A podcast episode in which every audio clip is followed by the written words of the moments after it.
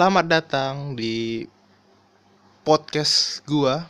Jadi podcast ini nggak ada gimana ya nggak ada perkenalannya. Jadi langsung gua kenalin diri dulu aja sedikit aja ya.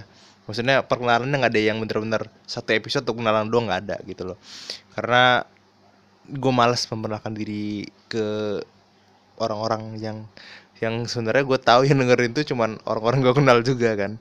Dan gini eh perkenalkan dulu nama gue bintang di sini dan gue sebagai eh, orang yang bakal berbicara panjang lebar dan ya udah itu aja. Oh ya satu lagi gue itu salah satu anggota dari podcast juga di Spotify juga adanya namanya itu Bapak Berbicara. Itu tentunya bukan podcast religius karena ya kita nggak mungkin. Dan gua juga sama teman-teman gua di sana nggak mau mengangkat nggak terlalu nggak mau terlalu mengangkat religius tema-tema religius. Karena kenapa? Karena kami semua tahu kita gue dan teman-teman gue tahu gimana ya gua dan mereka nggak terlalu kompeten dan nggak terlalu religius nggak sereligius itu gitu loh dan di hal-hal tertentu kita masih miss dan ya masih terkadang masih melakukan hal-hal yang sebenarnya tidak tidak harus dilakukan. Dan langsung aja sorry banget kalau misalnya kualitas audionya sedikit buruk karena satu dan lain hal jadi kualitas audionya sedikit menurun daripada podcast bapak berbicara. Walaupun podcast bapak berbicara juga gue yang ngomong kan tapi karena berbeda berbeda orang dan berbeda apa ya berbeda ini sih berbeda alat perekamnya jadi beda kualitas lah bisa dibilang gitu ya. Jadi di episode pertama ini setelah tadi introduction dan memperkenalkan diri sedikit gue langsung masuk ke tema kali ya. Gue tuh pengen banget ini hal yang pengen gue sampaikan dari berapa ya dari dua tahun yang lalu tiga tahun yang lalu. Ini tahun 2020 dua tahun yang lalu deh. Ya yeah. Jadi tema ini sebenarnya pengen gue angkat banget dan mungkin bakal ada di di salah satu episode Bapak Berbicara juga. Dan langsung aja ke temanya. Temanya itu tentang ini sih tentang film sih. Jadi gue berbicara eh, tentang film dan opini-opini gue atau top 3 atau top 4 atau top 5 gue tentang film-film yang gue sukai. Jadi langsung aja dari yang pertama mungkin 3 atau top 4 atau top 5 mungkin. Yang paling berkesan film paling berkesan menurut gua ya gua gua nggak nggak nggak ini ya nggak maksa kalian untuk setuju. Cuman menurut gua film yang paling berkesan di gua itu Dilan sih. Karena menurut gua Dilan adalah salah satu film yang menurut gua cukup relatable sama anak-anak SMA dan anak-anak remaja pada saat ini bener. Menurut gua relate. Karena e, bisa dibilang itu apa cinta monyet bukan sih? Nggak tahu sih gue kurang tahu cinta monyet itu apa. Cuman ya cinta-cinta kayak gitulah. Dan sebenarnya gua dan teman-teman gue juga pasti pernah ngalamin hal kayak gitu. Dan kenapa gua berani bilang uh, Dilan tuh maybe one of the best film di Indonesia? Karena dilihat dari jumlah penontonnya sendiri ya it's crazy. Itu benar-benar gila. Dilan tuh gimana ya? E, dalam berapa hari itu ber gue lupa berapa hari tapi sampai berapa juta penonton tuh kayak so fuck man itu penontonnya harus gila itu. Dan gimana ya? Dilan menurut gue cocok banget sih buat kalian kalian-kalian para remaja yang walaupun kalian nggak punya pacar atau jomblo nonton kayak gitu masih kena sih feelnya asli gue masih kena sih. Karena gue sendiri uh, selama remaja ini SMA ya terutama SMA gue tuh uh, gak mau banget yang namanya pacaran. Karena gue udah berprinsip di SMA ini gue mau pacaran karena kenapa? Karena gue pengen SMA ini gue menikmati masa-masa gue dengan teman-teman gue dan menikmati seluruhnya itu tanpa harus ada rasa ini rasa sakit hati dan lain-lain gitu loh. Jadi mendingan gua nggak um, usah pacaran cari teman sebanyak banyaknya dan lebih baik menghabiskan waktu dengan teman daripada dengan pacar. Karena kalau misalnya dengan teman kamu nggak terlalu ngabisin duit kalau dengan pacar kemungkinan besar pasti ngabisin duit. Karena kenapa? Yang pertama kalau kalau pacaran makan ini kan makan di tempat ya tempat-tempat kayak nggak mungkin warteg. Gue yakin nggak mungkin warteg. Nggak mungkin warteg dan nggak mungkin di pinggir-pinggir jalan. Uh, contohnya kayak apa sih? Esteller 77 ya kayak itu kayak gitulah ya kan? Nongkrong nongkrong situ atau nongkrong nongkrong di mall-mall ya pasti makan pasti minum dan kita ada beberapa cowok dan rata-rata cowok di Indonesia itu gengsi untuk uh, pas makan ah gua aja deh yang bayar. Gua aja deh yang yang bayarin semuanya padahal duitnya pas-pasan. Menurut gue itu mindset yang salah karena kenapa? Menurut gue pacaran tuh uh, anggap aja pacar lu temen gitu loh. Kalau misalnya lu nggak mampu bayar ya lu bayar punya lu dia bayar punya dia udah gitu loh. Nggak usah terlalu maksain diri. Karena kalaupun lu maksain ujung-ujungnya lu juga yang susah kan gitu. Dan kalau menurut gue sih Dilan bener-bener membekas sih. Karena ya kalian tahu sendiri kata-kata yang paling uh, legendaris bisa dibilang legendaris dan mungkin paling berkesan itu untuk gua sih ini eh, kata-kata yang rindu rindu itu berat. Kamu apa sih? Uh, lupa gua. Uh, jangan rindu rindu itu berat. Kamu gak akan kuat biar aku saja. Nah itu kata-kata yang paling ini sih paling legend atau paling berkesan lah untuk para penonton penonton Dilan lah. Itu di Dilan 1990 ya. Kita belum ngobrol tentang Dilan 1991 dan lain-lain gitu kan. Dan di Dilan, Dilan 1990 itu dibuat pada tahun 2018 itu bersama aduh oh, Falcon Picture apa? Lupa gua. Gue lupa itu yang yang ini apa cuman pokoknya kalau misalnya ini kalau misalnya di film itu di awalnya tuh nggak tahu sih. Eh apa sih? Yang singa-singa itu loh. Awalnya singa-singa aja pokoknya. Gue lupa sumpah. Falcon Picture kalau nggak salah. Falcon itu kalau nggak salah kalau nggak singa apa burung ya? Burung hantu. Oh, gue lupa sih gue lupa. Dan kenapa gue bisa bilang Dilan cukup reliable karena ya kebanyakan anak-anak siapa zaman sekarang ya cinta-cinta yang yang kayak gitulah. Lu ngerti sendiri lah lu ngerti lah cinta-cinta yang ya cukup elit cukup uh, bisa dibilang agak lebay sih. Tapi menurut gua uh, Dilan di masa itu gua nggak tahu ya di masa-masa zaman zaman 90-an kayak gitu soalnya kan gue lahir lahir kan tahun 2000-an kan 2003 gue lahir. Dan pas gue nonton pertama kali gue langsung mikir emang ada ya di tahun 90 nih? Di tahun 90 apakah ada emang orang yang berpacaran kayak gini? Ataukah emang ada apa memang ada orang yang ngomong itu pakai bisa dibilang pakai bahasa Indonesia dan yang baik dan benar? Mungkin ada cuman eh, apakah ada orang seperti itu? Gue nggak terlalu percaya awalnya. Gue kira oh, oke okay, ini set settingan. Semua itu fiksi. Nah dan setelah gue lihat-lihat lagi eh, gue sempat lihat apa ya kalau nggak salah sempat lihat gambar foto di salah satu akun Instagram atau Twitter lupa.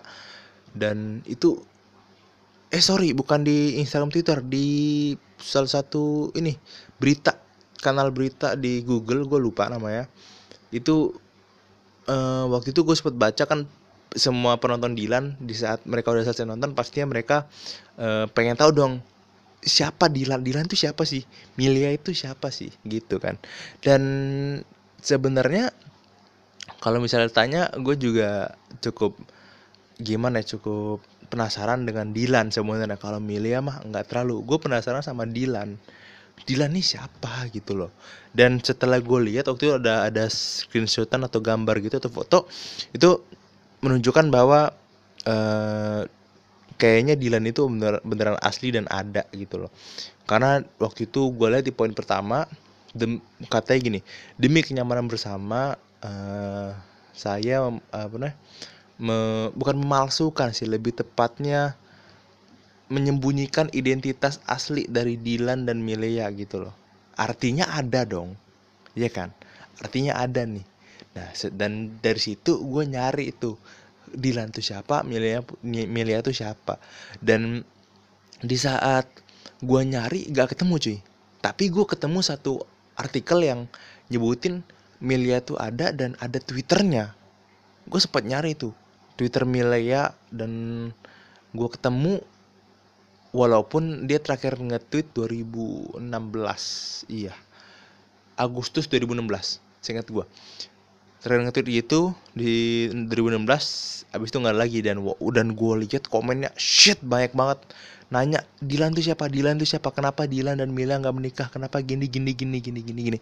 Dan kenapa gue bilang Dilan 1990 itu cukup bagus? Karena dari ceritanya tuh nggak terlalu ini sih nggak terlalu ribet-ribet banget. Dan menurut gue tuh cukup relatable sama uh, seorang wanita yang ber, berpasangan dengan salah satu cowok itu LDR kan awalnya gitu kan LDR dan bis itu putus ganti dan salah satu ketua geng motor dan bla bla bla dan lain-lain.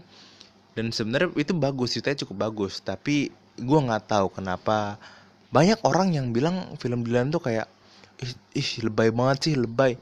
Sebenarnya kalau misalnya mau dibilang lebay sih emang iya jujur jujur kalau gue bilang uh, film Dilan lebay iya. Karena kenapa? Terkadang ada di mana kata-kata menurut gue hmm, kayaknya lebih lebih tepatnya tuh gak usah kayak gitu.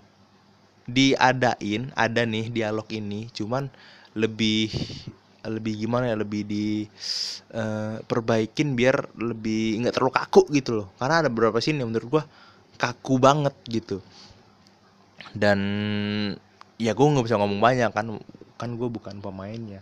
Dan gue nggak ada keahlian di situ. Cuman eh, menurut gue sih itu sih. Ada beberapa scene yang kaku dan akhirnya membuat eh, mem yang gue rasakan ya kayak lah kok begini gitu loh. Kok agak kakuan dikit gitu agak agak sedikit kaku. Cuman ya udah gitu loh gue masih bisa terima. Karena yang namanya se sebuah produksi film itu pasti ada salahnya sedikit. Bahkan syuting film Avenger Endgame dan lain-lain itu pasti ada salah-salahnya juga. Dan Dylan 1990 itu menurut gue salah satu film yang paling membekas di gue sih. Karena jujur jujur jujuran aja nih. Gue nggak mau tutup tutupan nih. Uh, eh, gue tuh nonton Dylan itu di ini. Di apa sih namanya apa sih? Aduh di bioskop itu loh bioskop yang udah diblokir sama kominfo ya nama ini nama ini kan kominfo ya, kok komuni eh kok komunitas bangsat. Apa gua. Udah diblokir kan. Itu gue sempet download lah sempet download masih ada di tempat gua. Dan ter dan gua udah hampir berapa? 6, 6 kali ada kali ngulang film Dylan dan gue nggak bosen gitu loh. Serius gue nggak bosen banget karena menurut gue um, film Dylan itu 1990 film yang bagus dan cukup membekas serius membekas banget pak. Itu sebuah film yang menurut gue kayak gue pengen berada di situ. Serius karena gue nggak pernah merasakan hal itu gitu loh. Gue gue mungkin pernah merasakan indahnya terlarut dalam cinta mungkin. Tapi gue nggak nggak sedekat itu. Gue nggak se sorry bukan sedek bukan nggak deket sama ceweknya tapi nggak deket sama keluarganya nggak pernah deket sama yang namanya um, apa ya teman-temannya gitu loh. Karena ya itu karena karena gue masih belum bisa nggak belum bisa terlalu dalam itu. Cuman di film Dylan dia bahkan gue tuh pas pertama kali nonton Dylan dan setelah lama-lama gue mikir gitu loh apakah ada orang tua yang seperti ini? Gitu. Gue nanya kayak gitu apakah ada orang tua seperti ini? Yang bahkan dalam fase fase pacaran doang nih udah manggil uh, sorry udah manggil ya manggil udah ngomong mertua mertua gitu loh. Dan udah itu udah terlalu jauh menurut gue dan Dilan tuh kan kelas 2 SMA ya di situ ya harusnya. Bahkan udah nyampe ranah-ranah mertua dan lain-lain gue merasa oh shit ada nggak sih orang atau orang tua yang kayak gitu? gitu loh. Asik banget kalau ada kan gitu. Tapi balik lagi kalau misalnya ada ya asik kalau nggak ada ya udah artinya itu cuma fiksi gitu loh dan Dilan menurut gue sih one of the best lah film terbaik di Indonesia lah. Ya gue nggak peduli komentar komentar-komentar yang menyinggung film Dilan karena katanya film Dilan alay ini itu ini itu. Walaupun terkadang fans garis kerasnya Dilan ya terlalu lebay dan alay juga sih. Menurut kayak gimana ya uh, sampai ada titik di mana kealayan itu meningkat gitu loh atau berada di puncaknya pasti ya ada lah. Di Twitter ya kan di Twitter nge-tweet nge-tweet Dilan Dilan di Instagram is, uh, eh, IG stories Instator Insta stories yang uh, gambarnya itu gambarnya kalau nggak videonya itu tentang apa namanya gambar atau videonya itu uh, keindahan alam kata-katanya Dilan gitu kan gitu. Kayak kayak gimana ya? Kayak tiba-tiba semua orang kayak ini loh kecanduan Dilan gitu loh kayak, kayak tiba-tiba semuanya semua orang itu Dilan gitu. Kayak semua cowok itu Dilan semua cewek itu milih ya. Gitu sih. Gitu. Jadi gue gak enaknya di situ sih. Karena gimana ya? Uh, menurut gue wajar sih sebenarnya tapi nggak seharusnya kayak gitu juga sih. Itu udah itu itu udah terlalu lebay sih menurut gue udah terlalu gimana udah terlalu melewati batas lah istilahnya walaupun mungkin bagi mereka-mereka yang membuat insta stories itu insta stories itu nggak terlalu mikirin juga sih dan di sini gue lihat uh, di di 1990 itu pada hari pertama penayangannya saja sudah ada 225 ribu orang yang tercatat ikut menonton film besutan sutradara Fajar Bustomi. Dan ya itu ya kalian tahu sendiri uh, film ini tuh diadopsi dari uh, apa namanya? Novel Dilanku Dilanku tahun 1990 karya PD Baik. Dan menurut gua uh, keputusan tepat untuk produser ya atau yang yang buat film Dilan 1990 ini membuat film Dilan dengan aktornya Iqbal Ramadan salah satu mantan uh, personalis personalis CGR yang menemani masa muda anak tahun 2000-an yang sempat berjaya-jayanya dan berkeliling kota di umur yang sangat muda, berkeliling kota 30 kota kalau nggak salah.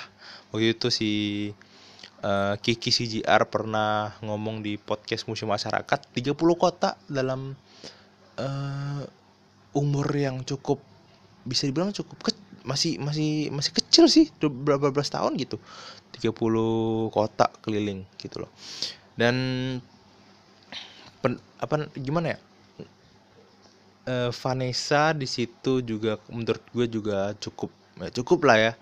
Cukup gue nggak bisa bilang bagus juga karena uh, menurut gue ada scene-scene di mana gue manggilnya Melia deh. Scene-scene di mana Melia tuh terlihat agak-agak kaku dan bisa dipush lagi gitu loh. Tapi mungkin karena keterbatasan waktu mungkin ya mungkin nggak tahu juga sih gue dan mungkin keter, keterbatasan waktu dan lain dan lain hal. Jadi kayak gitu. Dan Dilan menurut gue yang meranin Dilan di sini Iqbal itu perfect sih. Perfect sih asli. Semuanya perfect. Nggak perfect perfect banget ada berapa scene yang masih kaku kaku juga. Tapi menurut gue peran Dilan peran Iqbal di Dilan ya bisa dibilang 90% uh, bukan gagal apa sih namanya uh, perfect atau bisa diterima lah gitu loh. Kalau menurut gue kalau Vanessa 85% gitu. Masih ada di bawahnya sedikit lah ya. Dan setelah dari film Dilan itu film pertama yang menurut gue film terbaik yang pernah gue tonton. Dan yang kedua ini adalah film yang bisa dibilang sama gitu. Yaitu film Dilan 1951 jadi film Dilan 1951 itu di tahun 2019 di apa namanya di rilis. Dan tetap sutradaranya di sutradarai oleh PD Baik dan Fajar Bustomi dan pemeran tetap sama ada Iqbal sebagai Dylan dan Vanessa Priscilla sebagai Melia. Dan kenapa gue milih Dylan 1991 karena yang pertama tentunya kalau misalnya udah nonton Dylan 1990 dan merasa kayak shit oke okay, gue pengen ada kelanjutannya gue pengen ada kelanjutannya. Apalagi di setelah film Dylan 1990 itu bilangnya gini Uh, sampai jumpa di 1991 oke okay, gue harus nonton ini sih. Gue harus nonton ini. Gitu. Gue gue gitu. Dan mungkin sebagian orang kayak gitu. Shit gue harus nonton nih. Dylan 1991 gue harus nonton. Gak, gak mau lewat. Dan gue nonton shit oke. Okay.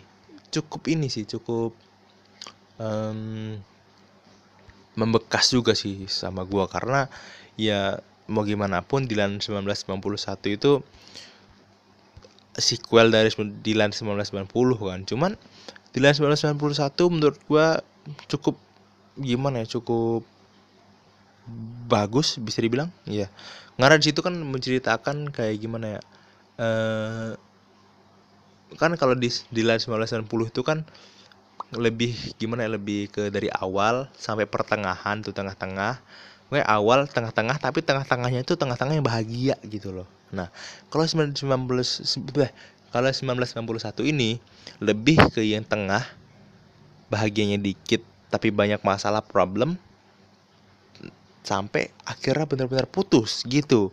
Itu sih yang gue suka. Sebenarnya kan bisa aja kan, bisa aja nih. Um, produsernya si PD Baik sama Fajar Bustami langsung gabungin plek gitu di 90 plek langsung. Dalam satu video eh dalam satu film. Judulnya langsung Dilan 90 91 ya kan. Langsung dari awal sampai akhir tuh. Nah tapi di sini yang menurut gue cukup bagus karena kalau misalnya kayak gitu uh, udah sekali itu doang gitu loh udah sekali itu doang nonton nah kalau misalnya di sequelin lagi pastinya orang apa nih kelanjutannya nih? Apa nih? Apa nih bakal dilakukan Dilan selanjutnya? Apa nih? Apa sih uh, hubungan Dylan dan Milea selanjutnya? Gitu loh. Pasti orang penasaran. Jadi bakal nonton lagi dan lagi dan lagi gitu. Jadi kalau di sini uh, tanggal rilisnya itu 24 Februari 2019 di Bandung dan 28 Februari 2019 di Indonesia 11 Juli 2019 di Malaysia. Oke salah gue ya ternyata uh, perusahaan produksinya itu Max Picture Oh Max Picture ya? Max Picture itu yang singa-singa. Gue kira si Falcon Picture Falcon Picture itu ini Yang burung hantu kalau nggak salah ya Lupa gue. Jadi uh, Dylan 1991 itu tetap masih sama pemerannya. Hampir semua eh semuanya sama ya dan masih karena Dylan 1990 itu vibe-nya masih belum habis ditambah lagi dengan Dylan 1991 makin makin gitu loh makin vibe-nya makin uh makin hype makin hype makin hype kan. Jadinya ya orang-orang juga gimana ya semakin hari semakin merasa dirinya Dilan merasa dirinya Milea gitu. Walaupun cewek-cewek mungkin enggak ya mungkin rata-rata cewek itu ya kalau misalnya cewek ini 40 persen 30 persen cewek kayak gitu. Kalau cowok menurut gue 75 persen kayak gitu cewek. Eh cowok sorry 80 persen lah. Cowok kayak gitu pasti. Dilan wow merasa dirinya Dilan. Aku adalah Dilan sebenarnya. Aku adalah Dilan. Wow insta stories insta es insta stories macem-macem. Wah aku adalah Dilan. Jangan jangan rindu rindu itu berat. Kamu akan kuat biar aku saja. Waduh ya kan gitu-gitu ya kan kata kata mutiara Dilan. Dan di mereka merasa dirinya Dilan gitu. Gue kalau bicara bicara banyak di sini. Dan sebenarnya yang pengen gue sorotin tuh dari awal tuh pengambilan ini ya sih pengambilan kotanya sih.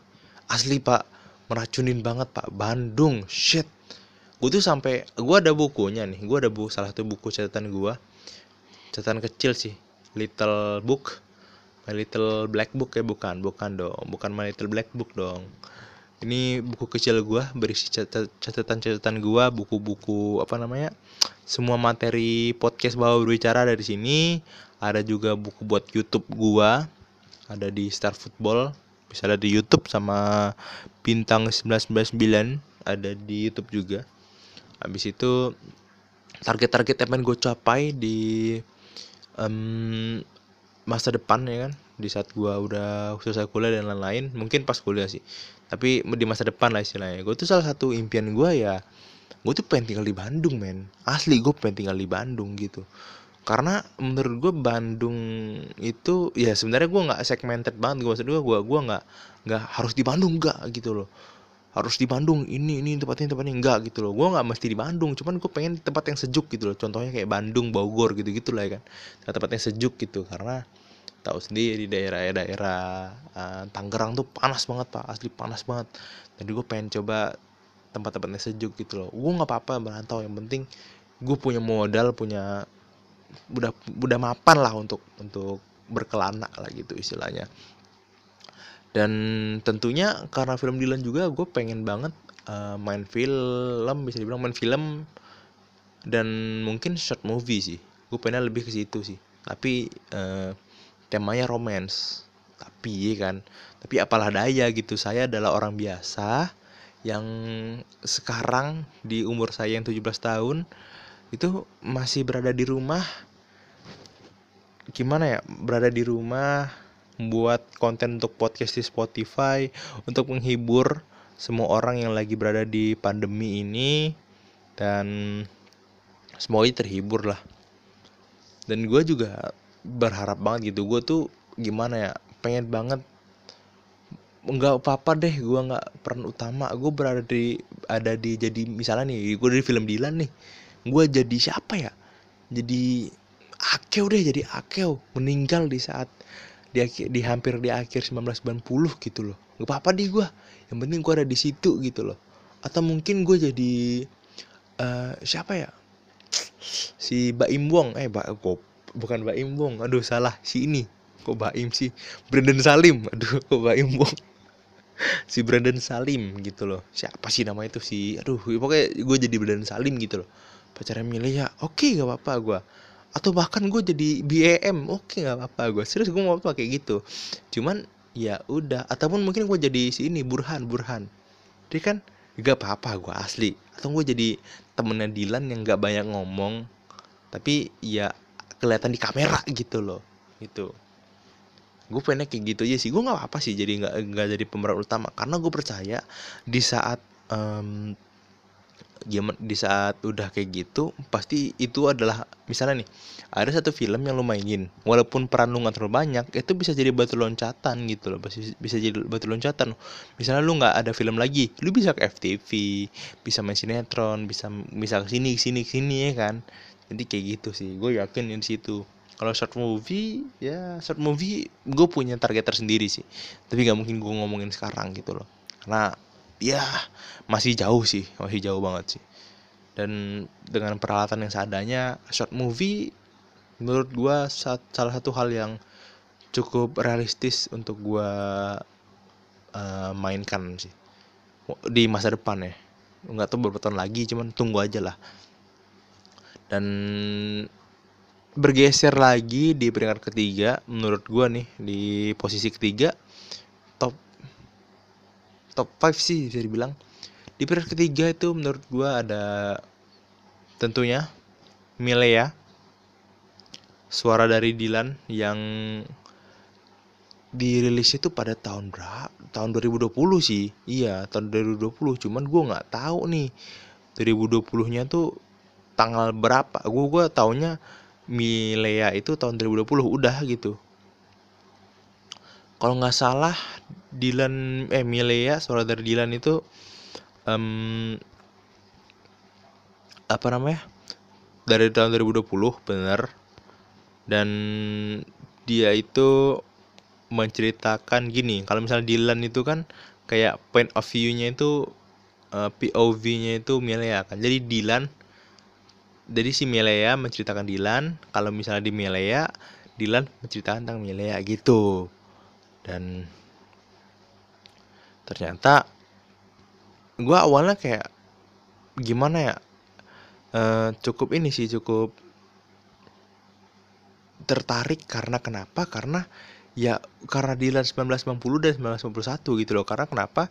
Di saat uh, terakhir atau di saat hampir penutupan atau closing dari Dylan 1991 itu ada lagi gitu loh sampai jumpa di Milea suara dari Dylan dan shit oke okay, racun lagi racun racun dan racun lagi gitu. Jadi uh, tetap disutradarai oleh PD Baik dan Fajar Bustomi uh, Milia Surat dari Dilan itu adalah film yang dirilis pada tanggal 13 Februari 2020 jadi ya masih berapa ya? Masih berapa bulan lalu? Ini bulan apa nih? September ya? Ya September oh November. Anjir. November? Oh ya. Uh, anjir satu bulan lagi cuy. November deh. Wah shit man. Oke. Okay. bentar lagi 2021 sih. Shit. Oke okay, oke okay, oke. Okay. dan di Milas saudara Dylan itu masih max picture ya gue gue lihat dari garis besarnya aja sih. Tapi satu hal yang pengen gue uh, apa namanya pengen gue sorot di sini ya kata-katanya lagi sih. Sebenarnya Milea suara dari Dylan itu kan emang point of view-nya dari Dylan kan. Menceritakan tentang Milea dan lain-lain. Tapi uh, di di situlah menurut gua gimana ya sisi lain dari Milea gitu. Soalnya kita tahunya di Dylan 1980 dan kita tahunya di 1991 kita tahunya doang.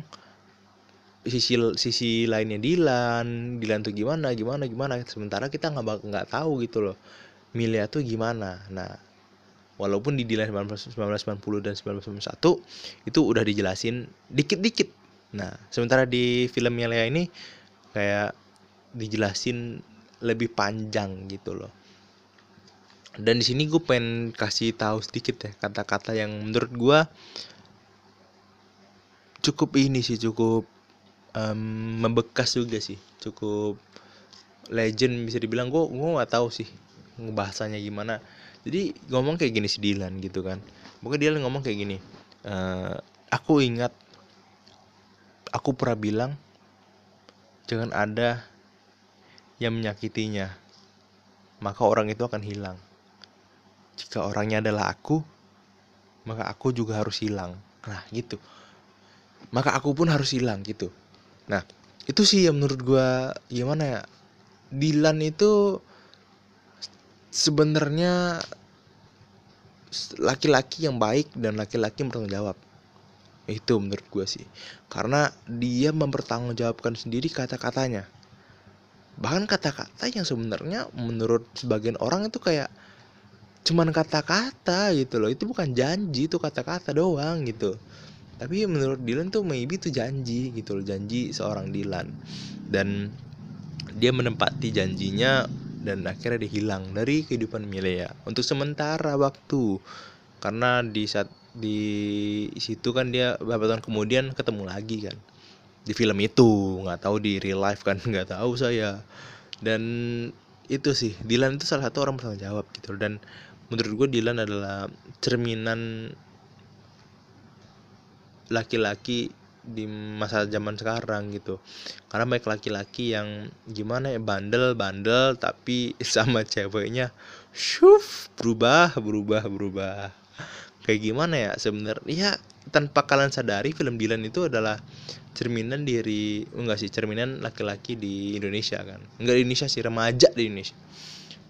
Rata-rata yang kayak gitu. Di saat uh, enggak sama cewek itu wah bandel bandel bandel bandel.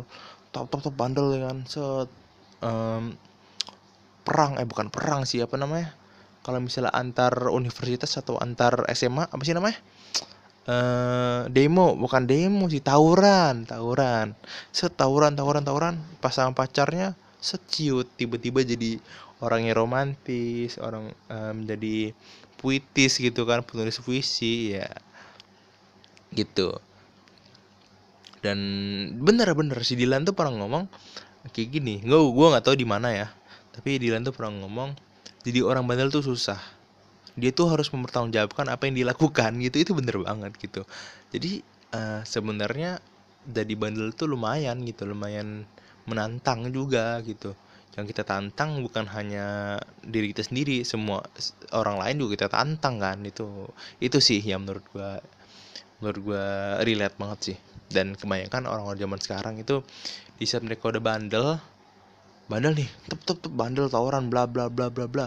Di saat mereka salah malah nyerang balik. Dan terkadang orang-orang kayak gitu gimana ya pengen bandel doang. Terkadang ada nih ada nih gue gua gua sedikit cerita sedikit nih. Ada teman gue yang sok-sok bandel tapi padahal mah enggak bandel gitu loh kayak terlihat gue pernah ngomong sama teman gue ayo kita cabut ke sini ke sini ke sini ke sini. Kita cabut main PS main ini main itu main ini. Ya kan? Oh gue mah uh, di SMP udah pernah sering gitu mah santai santai pas gue ajak cabut gak mau kan bangsat gitu. Di saat gue ajak cabut dia masuk kelas dong. Fuck banget ya kan gitu. Dan akhirnya gue masuk kelas juga gitu kan. Karena tidak ada kawan cabut. Tidak saya, saya tidak mau sendirian nanti kayak orang goblok ntar jadi ya. Dan gitu sih ada beberapa orang yang sosok bandel gitu loh biar kelihatan edgy. Oh gue bandel nih bandel kan bukan sor bukan gaya gitu loh. Serius bandel itu bukan gaya gitu. Tapi uh, kelaku ya bisa bilang kelakuan sih. Kelakuan atau bisa dibilang perbuatan yang sebenarnya harus dipertanggungjawabkan juga sih. Dan menurut gua um, jadi orang bandel tuh memang benar-benar susah. Karena kenapa? Karena orang bandel tidak semua orang bandel bisa mempertanggungjawabkan apa yang dia lakukan. Dan sebenarnya itu yang sudah um, menjadi permasalahan di Indonesia gitu loh terutama remaja. Dan gue sendiri sebagai orang yang lumayan sih. Maksudnya bandel-bandel gue tuh masih benar-benar normal gitu loh. Dan dan gue nggak minum. Titik. Gue nggak minum gue nggak minum gue nggak nggak nggak main nggak keluar malam bla bla gue nggak main malam gue nggak gue nggak minum gue nggak ngerokok. Dia bandel-bandelnya kayak cabut dari kelas gitu loh kayak itu doang sih yang benar-benar standar lah gitu loh. Yang benar-benar standar kalau misalnya tingkatan bandel tuh paling rendah mungkin gitu. Dan kenapa gue bilang kayak gitu? Karena orang bandel di Indonesia itu kadang-kadang nggak bisa mempertanggungjawabkan apa yang dia lakukan gue sebagai salah satu dari mereka mungkin uh, eh, gue dulu kayak gitu. Asli gue dulu kayak gitu. Di saat gue melakukan hal itu kayak apaan sih nih? Gini gini gini gini banget gitu. Tapi makin lama makin hari kayak oke okay, misalnya gue bandel nih misalnya gue melakukan ini tek cabut dari sekolah. Nggak cabut dari kelas saya deh sekolah mah jarang gue cabut dari kelas tek. Ketahuan guru waduh ya gue langsung ini dong gue langsung uh, ya udah gue ngaku gitu bla bla bla bla bla bla tapi kalau misalnya gue lagi nggak berbuat sesuatu misalnya nih gue lagi pengen ke sini tanpa berniatan untuk cabut atau yang lain gue niat gue untuk jajan dan beli makan tiba-tiba ada yang bilang kamu mau cabut ya? Itu gue langsung lempar opini gue dong dan langsung gue pembelaan dan defense dah dalam hidup dalam uh, untuk diri gue sendiri. Karena di situ gue dalam posisi yang nggak salah gitu gue dalam posisi nggak salah dan sebenarnya it's fair gitu karena uh, guru juga manusia gitu kan. Guru juga manusia terkadang bisa melakukan kesalahan juga. Tapi di sisi lain gua sebagai orang yang dituduh dituduh cabut ini gua harus defense dong biar gua uh, nggak gimana ya nggak tercoreng lah nama gua gitu. Sudah tercoreng tercoreng lagi di blacklist. Nah, jadi udah yang ketiga jadi yang keempat nih yang keempat. Ada film baru banget baru banget dirilis ta pada tanggal 23 Oktober 2020 di bioskop online dan silahkan nonton di situ. Sumpah itu bagus banget filmnya. Uh, cuman sepuluh ribu. Ya sepuluh ribu. Ppn nya berapa gitu lupa gue pokoknya gue bayar pokoknya langsung gitu cek. Di story nama itu story of Kale. Uh, sequel dari nanti kita nanti kita cerita tentang hari ini. Itu ada sequel dari film NKCTHI dan sutradaranya Angga Dwi Masa Songko dengan pemeran Ardito Pramono dan Aureli Mormans Moremans Mormans dan perusahaan produksinya itu ya V-Cinema Picture gitu yang berdurasi 77 menit nggak terlalu lama ya jadi ya sejaman lebih lebih dikit lah. Gitu satu jam 17 menit kalau mau dihitung-hitung. Surya kali itu sequel dari NKCTHI menurut gua film salah satu film terbaik menurut gua ya Surya kali dan jujur gua lebih menyukai film Story of Kale daripada film NKCTHI-nya sendiri gitu. Karena kenapa? Menurut gua film NKCTHI-nya itu hmm, untuk sebagian orang bagus. Menurut gue juga bagus, cuman gue nggak nggak terlalu suka aja gitu loh. Karena menurut gue um, film NKCTHI ini kayak gimana ya, lebih ke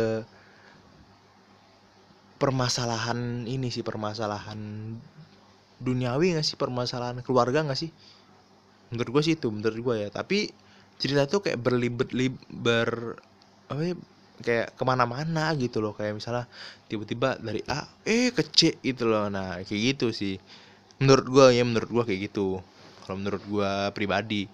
Dan ya kalau menurut kalian yang pasti opini orang beda-beda lah ya. Dan satu hal yang gue um, suka dari ini ya karena peran Ardito Pramononya dan Aureli Moremansnya juga pecah cuy. Pecah banget ahli gue kayak oh shit gue tahu Ardito Pramononya Ardito Pramono tuh dari dari ini dari single dia yang ap, aduh yang ini loh. Gue lupa sumpah. Yang apa sih namanya? Ardito Pramono yang waktu itu sempat hype hype banget gitu loh. Yang uh, superstar juga kan sih lagunya si Ardito Pramono tuh bukan superstar doang gue tahu. Ada banyak Ardito Pramono tuh yang Bitter Love Bitter Love Bitter Love. Ya itu um, lagunya Ardito Pramono Bitter Love Bitter Love. Jadi gue tahu Ardito dari situ dan ya gue kenal dia sebagai musisi kan. Banyak kok musisi yang main film Ardito Pramono yang gue tahu ya. Ardito Pramono uh, Vincent Rompis Vincent ini gak sih musisi bukan sih? Kan ngeband tuh dia tuh. Vincent Desta abis itu Tora Sudiro ngeband juga. Surya Surya Insomnia iya juga udah main, main film juga gak sih dia? Kalau nggak salah main sih. Iya gue masukin deh. Abis itu si Onadio Leonardo Onadio Onadio Leonardo Leonardo juga. Habis itu siapa lagi ya? Banyak sih kalau misalnya mau di ini mau di uh, Andre Taulani Andre Taulani ya dia termasuk musisi kan musisi Stinky yang lagunya apa sih lagu Fuck, lupa gue lagu Stinky tuh ada tuh yang lagu yang benar-benar men, apa nih cukup identik banget lah. Kalau misalnya Stinky kan lagu lagu apa gitu kalau misalnya Killing Me Inside kan uh, ini biarlah yang dirimu di hatiku. Nah itu lagu itu tuh. Sorry suaranya agak jelek. Itu sih. Kalau Arito Pramono gue taunya dari Bitter Love gitu. Habis itu gue sedikit gue kulik dikit oh ternyata dia tuh punya single Superstar dan lain-lain gitu. Dan sebenarnya kalau Aureli Mormans itu gue udah cukup ngefans dari lama sih. Gue tuh tahu dia dari film Uduh, film apa ya? Uduh, gue lupa cuy tapi gue pernah sempet nonton dia tuh di ini yang film dia sama Panji Praji, Panji Pragiwaksono. Ya kan Panji Pragiwaksono lupa gue yang duetnya sama si ini si Diva Mahendra. Jadi dua itu sama Aureli Mormans itu apa sih namanya? Uh, aduh gue lupa tuh. Gue lupa gue lupa. Pokoknya itu. Dan kenapa gue nonton ini? Karena gue penasaran. Karena karena sekali lagi gue tuh suka gitu loh sama film yang dibikin sequelnya lagi. Contohnya kayak Yobis Band. Satu dibikin Yobis Band dua gitu. Gue pasti nonton. Pasti pasti nonton gue pasti nonton. Dan um, kenapa gue tonton ya? Karena gue suka gitu loh. Apa yang film yang gue suka ya gue langsung tonton gitu. Tapi nggak semua film gue tonton sequelnya sih nggak semua ini sih nggak semua film juga gue tonton karena ada beberapa film menurut gue kayak ya udah gitu. Contohnya film apa ya yang menurut gue ya? Uh, aduh aduh. Yang film yang gue nggak terlalu pengen nontonnya lagi tentunya film Avengers sih. Gue kalau misalnya udah nonton sekali Avenger ya udah gitu. Udah aja nonton Avenger. Kalau gue gue gue nggak mau dua kali gitu loh. Film-film kayak Annabelle gitu misalnya. Film-film kayak IT atau It gitu kan yang badut-badut itu ya gue mau nonton lagi gitu loh. Tapi gue nggak nutup kemungkinan gue nonton untuk kedua kalinya. Gue nggak nutup kemungkinan cuman untuk dalam jangka waktu yang cukup pendek gitu gue nggak bakal nggak bakal nonton lagi sih gitu.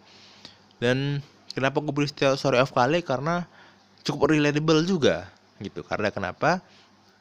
Eh, menurut gue di sini gue nggak agak itu spoiler ya menurut gue di sini Ardito adalah pemeran eh, cowok yang cukup bagus. Karena di sini dia tuh eh, memerankan sisi cowok yang setia.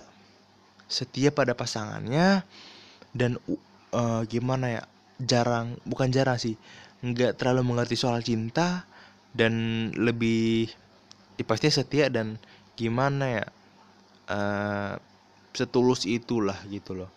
Dan Aurelio Moreman sebagai Dinda itu men, apa sih namanya memerankan menurut gue ya memerankan peran yang cukup ini juga cukup bagus juga sih. Bagus banget asli. Memerankan peran sebagai wanita yang eh, punya hubungan toksik toxic relationship. Habis itu pacaran sama Kale atau Ardito tiba-tiba dia selingkuh atau gimana selingkuh pokoknya udah gitu loh udah selesai gitu. Nah memerankan peran cewek yang bisa dibilang agak-agak gimana ya menurut gua ke fuck girl gitu nggak sih? Nggak tahu juga sih tapi menurut gua kayak gitu sih. Dan story of Kale menurut gua relate karena kenapa hmm, di cerita gue gue banyak dengar cerita-cerita di sosial media gitu banyak orang-orang yang kayak selingkuh selingkuh ini itu selingkuh ini itu selingkuh ini itu. Walaupun gue nggak pernah merasakan gitu. Karena kenapa? Eh, selingkuh itu sama aja dengan kayak nikung kan. Contohnya nih eh, si A lagi pacaran sama si B. Tiba-tiba si C eh, sorry ntar contohnya kayak gini deh. Gua misalnya gua pacaran sama si eh siapa nama yang bagus ya eh Mawar gitu kan. Gua sama Mawar. Tiba-tiba ada Melati nih. Nah Melati datang gitu loh. Datang tuk tuk tuk datang habis itu gue pacaran sama Melati. Mawar gue tinggalin. Nah gitu. Kayak ditikung gitu nggak sih? Gitu ya kan? Nah dan sebenarnya itu nggak nggak belum pernah gue rasain sebelumnya. Cuman di story of kali ini kayak membuat gue belajar tentang bahwa yang namanya wanita itu pasti ya enggak sorry yang namanya hubungan itu pasti ada naik turunnya gitu.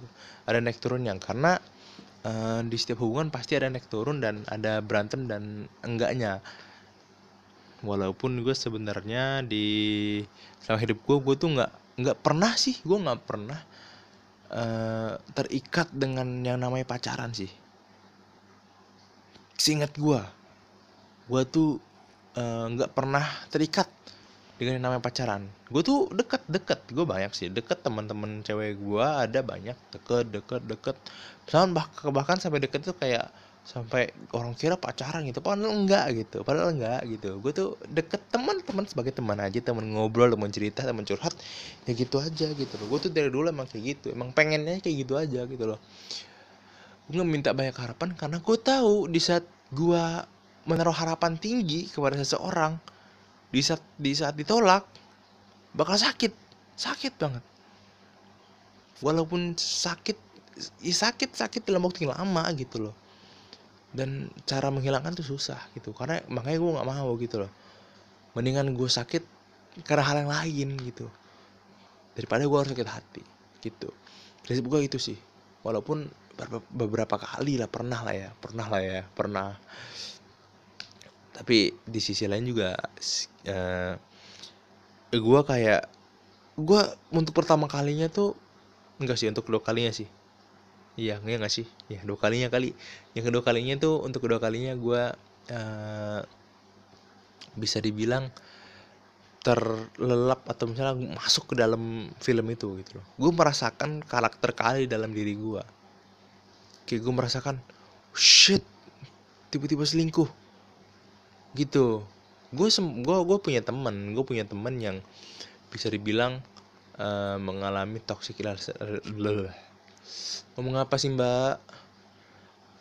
Yang yang berada di toxic relationship dan gue suruh dia nonton itu.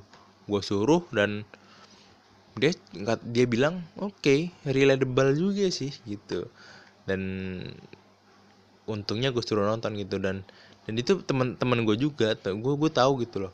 Dan Story of kali ini menurut gue salah satu film terbaik juga. Tapi kalau misalnya sebenarnya uh, ditayangin di bioskop langsung tanpa ada pandemi angka penontonnya bakal lebih bagus daripada ini sih. Karena berapa ribu ya? Berapa ribu sih? Lupa gue waktu di ini waktu di uh, twitternya Aureli itu ada tuh berapa ratus ribu penonton gitu loh. Si ini si siapa namanya? Si aduh aduh lupa gua. Si story of kali ini. Sumbang saat cepat banget gue lupanya dan ya masuk yang kelima yang terakhir last hampir sejam gue ngomong panjang lebar. Yang terakhir banget nih yang kelima ya ini udah top 4 jadi yang kelima. Dan yang terakhir untuk episode pertama mungkin gue bakal uploadnya nggak terlalu ini sih nggak terlalu sering-sering banget. Karena ya gue juga nggak terlalu gue juga punya podcast sendiri bukan podcast sendiri sih podcast yang uh, gimana ya podcast sama teman gue itu ini bapak berbicara gitu loh. Itu sebenarnya podcast utama gue sih sekarang itu gue jarang. Gue gue gue tuh dulu sering banget buat podcast di YouTube. Tapi karena gue males lagi akhirnya ya gue ini ini aja sih apa namanya uh, membuatnya di sama teman-teman gue di Spotify. Jujur gue nggak tahu awalnya tuh gimana sih cara cara bikin podcast di Spotify gitu kan. Kayak edgy banget gitu kan keren banget gitu asli. Di Instastories kan set ada klik Spotify wah keren banget pak. Tapi ya harus gimana mau gimana lagi kan? Gue nggak tahu caranya jadi gue buatnya di YouTube aja gitu loh. Dan ternyata semudah itu gitu nggak terlalu susah-susah banget gitu kan. Dan langsung aja ya yang terakhir kelima nih. Ada Pretty Boys film Deddy Mahendra Desta dan juga Vincent Rian Rompis oke jadi dari film Pretty Boys ini dibintangi oleh Vincent Rompis, Deddy Mahendra Desta dan, dan Danila Riyadi dan juga Onadio Leonardo yang gue bilang tadi. Dan gimana ya Pretty Boys itu di launching pada tanggal 19 September 2019 dari tahun 2019 ya. Diproduksi oleh Anami Films dan Pretty Boys Picture.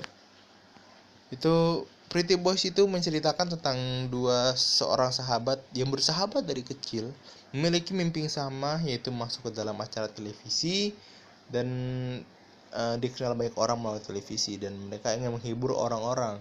Nah, dan di situ um, cukup menarik karena kenapa ternyata nggak gue kira gimana ya uh, di situ-situ doang maksud gue gimana ya karena pemeran utamanya Desta dan Vincent gue kira ya udah mereka mereka mereka mereka terus tanpa harus uh, menya, men, apa sih menyam, menyampingkan atau uh, ada masalah-masalah yang lain. Contoh ternyata ada masalah yang lain gitu loh. Jadi uh, spoiler dikit deh.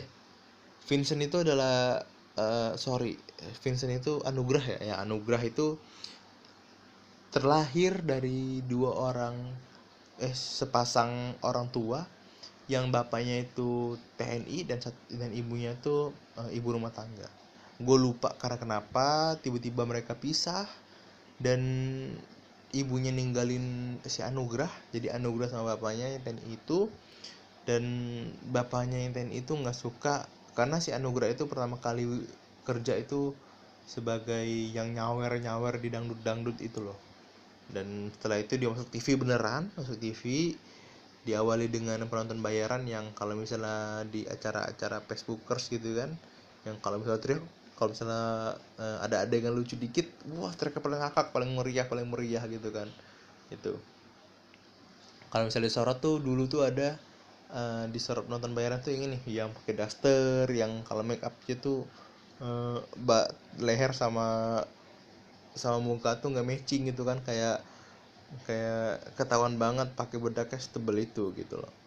Pakai daster pakai ini pakai itu yang yang benar-benar heboh dan hedon lah itu istilah istilahnya berawal situ dipanggil bla dipanggil sama hostnya.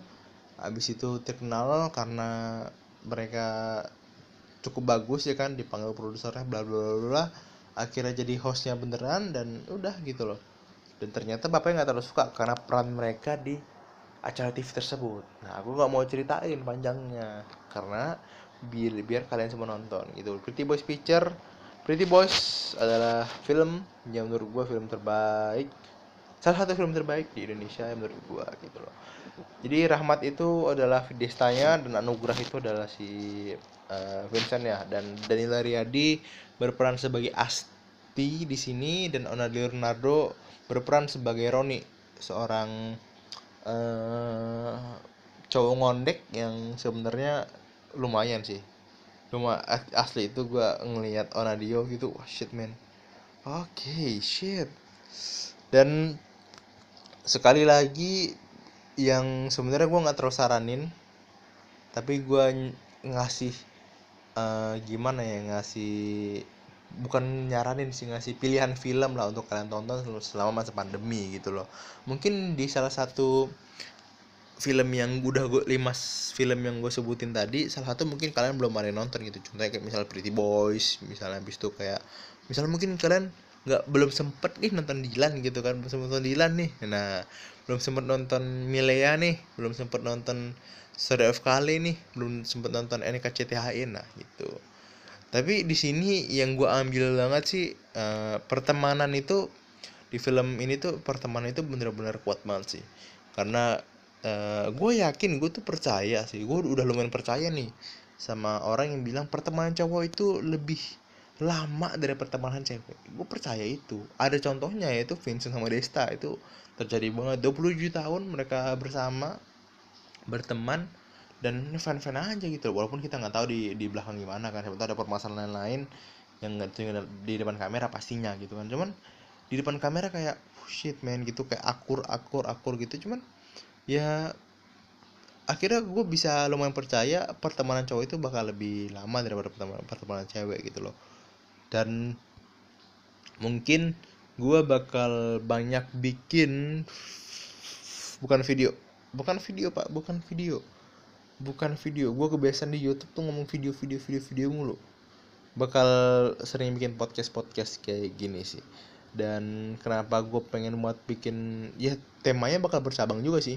Jadi uh, eh, gue bakal bikin bikin lagi nih yang tentang film-film juga. Dan uh, bakal nggak terlalu sering juga sih. Suka hati gue lah gitu loh. Dan di sini yang menarik juga yang menulis skripnya tuh ya, kalau nggak salah ya script writernya tuh ini Imam Darto. Uh, yang ini yang duetnya sama Danang itu loh. Imam Darto tuh itu itu nulis tuh Imam Darto. Gue nggak nyangka gitu loh tapi ternyata Imam Darto tuh bisa bisa kayak gitu. Dan dia bahkan jadi pemeran juga gitu. Serius gue nggak bohong. Dan di situ awalnya gue kira film Pretty Boys itu ya film yang uh, ya udah gitu loh nggak terlalu baik loh. Yang nonton ya ya udah gitu loh nggak terlalu banyak. Cuman ternyata fuck banyak loh sampai dapet anugerah apa sih apa sih namanya? Anugerah film apa gitu. Lupa gua dapat penghargaan anugerah film apa gitu lupa gua. Jadi segitu aja ya mungkin segitu aja podcast kali ini. Dan kalau misalnya mau di bilang bagus dan mana dari lima limanya ya film Dylan sampai Milea menurut gue lebih recommended untuk yang suka romance untuk ditonton gitu. Jadi kalau misalnya kalian nggak suka romance bisa ke Pretty Boys itu nggak romance nggak nggak terlalu romance romance banget ada romance romance sedikit cuman lebih banyak ke pertemanan lah itu di situ bener-bener mengajarkan teman itu uh, bisa menjadi pengganti keluarga sih. Di saat kita sudah tidak ada keluarga kita punya teman gitu. Gitu loh gitu. Kalau misalnya di 90 1990 itu mengajarkan kita tentang um, ya lebih tep, uh, gimana ya? Seorang pria yang ingin mendekati wanita penuh perjuangan. Ya perjuangan lah 99 90 itu perjuangan di 91 itu lebih ke kesetiaan dan penempatan janji mungkin. Di Milea suara dari Dilan itu lebih ke nggak tahu sih gue gue juga kurang tahu sih. Kalau misalnya di Story of Kale menurut gue itu uh, lebih ke ya kesetiaan juga sih. Iya lebih ke cinta juga sih sebenarnya. Cinta yang ya itu sih luas banget. Cuman cinta dalam arti yang uh, pasangan ini selingkuh sama ini gitu loh. Mengerti lah maksud gue kalau Pretty Boys lebih ke pertemanan sih menurut gue pribadi. Pertemanan yang dari kecil dari awal sampai gede banget itu sama-sama terus gitu. Dan kalau misalnya kalian pengen uh, mencontoh cara berteman Vincent Desta mungkin bisa dicontoh dari film Pretty Boys gitu loh. Dan Pretty Boys itu sudah tembus ini gue lihat di salah satu artikel yang diposting tahun sat eh tahun lagi tanggal 1 Oktober 2019 itu di tanggal tersebut sudah menembus angka 500 ribu penonton gitu. Dan yang bikin gue kaget kenapa? Karena di situ ada Danila Riyadi yang kita tahu dia adalah musisi yang indie senja banget nih. Anak senja kalau misal di panggung wah ngomongnya mabok ini itu ini itu. Oh, kalau misalnya Nadio Leonardo juga yang kita tahu.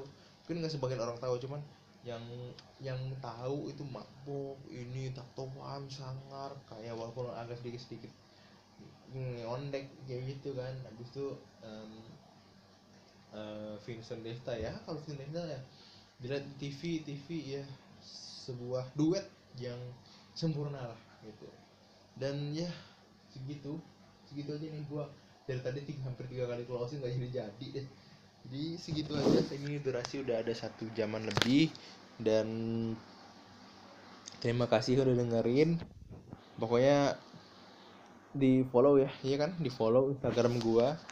Di m.b9 kalau misalkan ada tema-tema yang yang bisa gue bahas sendirian nih ya. Yang bisa gue sendirian nih. Misalnya kalian pengen bahas dong tentang ini tentang pacaran atau gimana ya ntar gue bahas gitu loh kalau misalnya nggak bisa di podcast gue berbicara gue bahas di sini sendirian. Dan jangan lupa diikutin uh, Spotify gue iya nggak sih diikutin gak sih? Diikutin dan jangan, dan jangan lupa di share share itu penting. Karena kenapa? Tanpa di share saya bukan apa-apa. Gitu. Hanya saya hanya menjadi seorang mas-mas biasa yang berada di rumah ngerekam sebuah podcast yang sebenarnya bisa dilakukan semua orang gitu loh. Tapi nggak semua orang melakukan itu di masa pandemi ini. Jadi ya sudah. Terima kasih untuk yang udah dengerin sampai habis. Dan terima kasih juga yang udah follow Instagram. Habis itu follow Spotify gua. Follow Twitter juga di bintang M underscore 9 follow juga di situ dan terima kasih banget. Fun fact untuk fun fact untuk kalian semua gue itu uh, masih SMA saat podcast ini dibuat. Dan gue tuh suka nulis nulis di gue suka, lumayan suka nulis sih. Nulis untuk beberapa hal ya untuk hal-hal tertentu ya.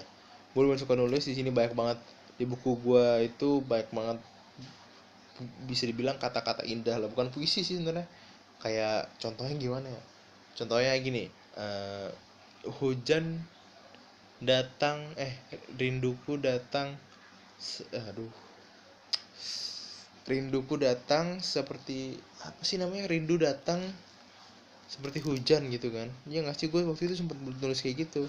Rinduku datang seperti hujan. Rasa rinduku bagikan hujan oh rasa rinduku bagikan hujan datang dan pergi begitu saja. Nah gitu gitu. Gue suka suka nulis kayak gitu. Tapi dalam ada yang pendek ada yang panjang gitu. Jadi segitu aja kalau kalian mau lihat uh, karya-karya gue yang sempat gue keluarin di YouTube ada di Star Football ada di bintang 999 sebenarnya tiga kali ya itu ada. Di Instagram gue di mt 9 itu ada kayak kata-kata indah yang dirakit.